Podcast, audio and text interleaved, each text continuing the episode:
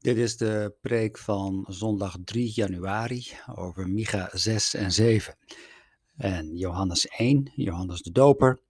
Deze preek hm, kwam niet, helaas niet door bij Kerkdienst Gemist, daarom nu via de podcast. Ruimte en kerk, dat is niet voor iedereen een logische combinatie. Ruimte en kerk, zeggen sommigen, sluiten elkaar uit. Van de kerk kun je het namelijk behoorlijk benauwd krijgen. Er lopen nogal wat mensen rond die je verhalen kunnen vertellen over hoe verstikkend de kerk voor hen geweest is. Over dat de kerk voor hen in de verkeerde zin adembenemend was. Niet een kerk met ruimte waar je kunt opademen, waar je lucht krijgt, maar een kerk die benauwd en benauwend is. Die je dwingt in een keurslijf. Die met zijn regeltjes en voorschriften je vasthoudt en inbindt. Een kerk waar je daarom uitgebroken bent. De ruimte in, ruimte buiten de kerk. Ruimte. Je moet het maar als thema durven kiezen in deze tijd en in deze kerk. Is dat niet veel te ambitieus, pretentieus, arrogant? Natuurlijk, we hebben hier als kerk een prachtige ruimte voor onze kerkdiensten, jeugdwerk, gesprekskringen, vergaderingen en noem maar op. En we hebben er als kerk heel bewust voor gekozen om hier in het hart van Nunspeet een stukje ruimte op te eisen en daarmee ook een stukje ruimte te bieden. Zo ambitieus zijn we wel als kerk. Waarom? Omdat we die ruimte ten diepste niet voor onszelf vragen, maar voor het grote nieuws van Gods liefde. Voor die ambitieuze missie dat de wereld zoveel beter kan. Voor die fundamentele boodschap dat jij als mens waardevol bent. We willen het zelfs tot kloppend hart van ons beleid maken. Het geloven in de God van Jezus Christus maakt de gemeente tot een open geloofsgemeenschap, waarin ruimte is voor iedereen en voor ieders eigen geloofsontwikkeling.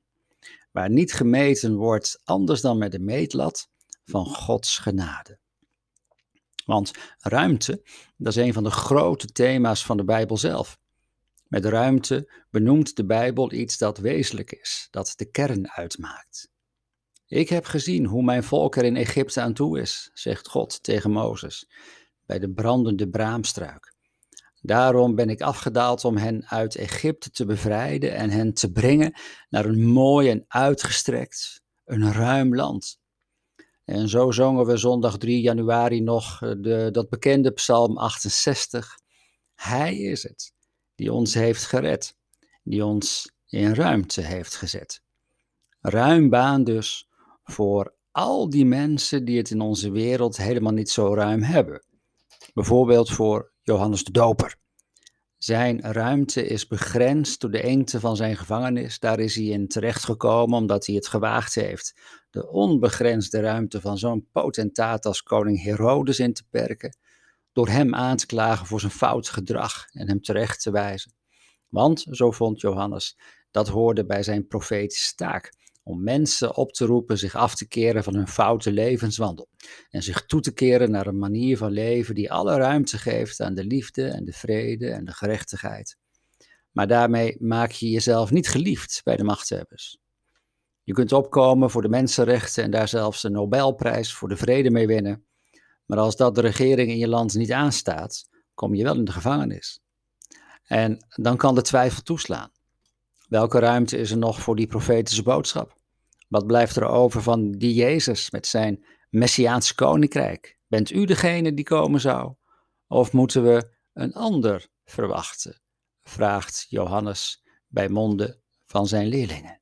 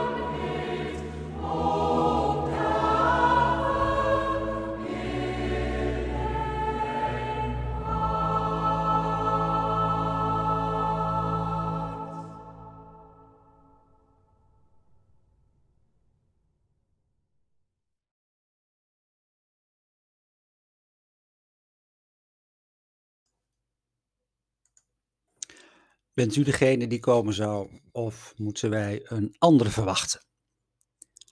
Het mooie is dat Jezus hem weer ruimte biedt, perspectief, toekomst. Als hij de leerlingen van Johannes antwoordt, zeg tegen Johannes wat jullie horen en zien, wat er gebeurt nu ik gekomen ben. Mensen die niet meer zagen, gaan de ogen open. Bij wie geen stap meer konden zetten, loopt het weer. Mensen vinden genezing voor wat er aan hen vreet, kunnen weer muziek in hun leven horen, staan op uit hun dodelijke en doodse bestaan. En aan armen wordt de rijke boodschap van het evangelie bekendgemaakt. En je kunt het eigenlijk niet kernachtiger zeggen dan zoals Micha het doet. Met dat ene vers, waarin eigenlijk alles staat waar het in wezen om gaat. Er is jouw mens gezegd wat goed is. Je weet wat de Heer van je wil. Niet anders dan recht te doen, trouw lief te hebben en zorgvuldig de weg te gaan met je God. Ik zou veel meer ruimte nodig hebben om dat allemaal uit te leggen, met als risico dat u mij maar een eind in de ruimte vindt kletsen. Maar waar het in de kern op neerkomt, dat is dat je er actief aan meedoet dat mensen tot hun recht kunnen komen. En dat er in de wereld gerechtigheid is. Maar wat als het tegenzit? Als de crisis in je leven komt. Als de grond onder je voeten wegzakt. Het in je stormt. Of je vooruitzichten voor altijd veranderen. Wat gaat het soms of vaak toch grandioos mis tussen mensen van goede wil, ook in de kerk? Wat kan het je toch ineens tegenstaan als je verhalen hoort over macht, over arrogantie, mensen doof voor elk woord van kritiek? Micha wist hiervan. Tegen muren liep hij op, menselijke muren van ikke ikke en de rest kan stikken. Muren van ik heb gelijk, mij valt niets te verwijten, alleen ik zie het goed en al die anderen. Arme Micha, hoe hield hij ondanks al die mensen en meningen het geloof vast? Je zou het toch verliezen? En velen is dat overkomen. Wat een puinhoop hebben mensen ervan gemaakt door de eeuwen heen tot op de dag van vandaag. Alleen omdat ze niet wensten toe te geven, niet wensten los te laten, niet wilden luisteren. Arme Micha. Maar aan het eind van zijn boekje begint er plotseling iemand puin te ruimen. En klinken er woorden van hoop. Wie is een God als u, lezen we. Alleen al in die woorden zit zoveel vertrouwen bij God komt het goed. God kan het namelijk wel vergeven. God blijft niet woedend. God ontfermt zich over de zijne. Blijf zijn trouw tonen en hoopt dat je weer opnieuw wilt beginnen. Micha verwoordt het hier zo mooi. God wil je zonde in de diepten van de zee werpen. Simon Carmichelt, iemand die niet werd verdacht van een groot geloof, ontmoette eens rond het graf van een vriend een dominee. Later schreef hij: Een dominee bij een begrafenis is iemand die een grote zak over zijn schouders heeft hangen met allerlei informatie vanuit de Bijbel waar wij niets meer van weten. Die dominee pakt daar ineens een woord uit en dat doorlicht werkelijk een beetje de situatie waarin we ons op dat moment bevinden. Dat is belangrijk. Mensen die geen woorden meer hebben, aan wat woorden helpen. Woorden die ons in een lange geschiedenis plaatsen en ons verbinden met hen die ons zijn voorgegaan. Woorden die ons weer te binnenbrengen dat deze kuil in heilige grond gegraven is en dat God niet laat varen wat hij begon. Zie, ik maak alle dingen nieuw. Let op, de Bijbel wil onze zorgen heus niet wegplamuren. Je kunt de ogen niet dicht doen voor de dingen, de bedreigingen die ons bestaan onderuit halen. Onze eigen sores en de grote zorg om de wereld verder weg. We zouden ze niet serieus nemen door het donker weg te wuiven met vrome teksten.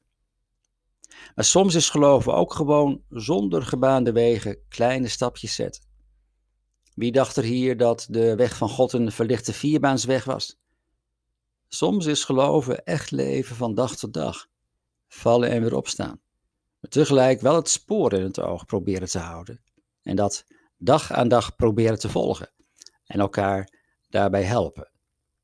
Dan gaat, er ten diepste, en dan gaat het er ten diepste om trouw te blijven aan God, aan je bevrijder, aan Hem die je in de ruimte zet. Dit is dus de kern, de grondhouding van geloven. Om de ruimte die we als gelovigen hebben in te vullen. Ruimte voor ontmoeting noemen we dat in de Driestwegkerk. Ontmoeting met God, ontmoeting met de ander, ontmoeting met de wereld, ontmoeting met jezelf. Ruimte voor ontmoeting. Ruimte zonder moeten, zonder dat benauwende en enge en verstikkende. Want ruimte en kerk, die horen bij elkaar. Het is aan ons om dat in en vanuit deze ruimte ruimhartig waar te maken. Ook in het nieuwe jaar 2021.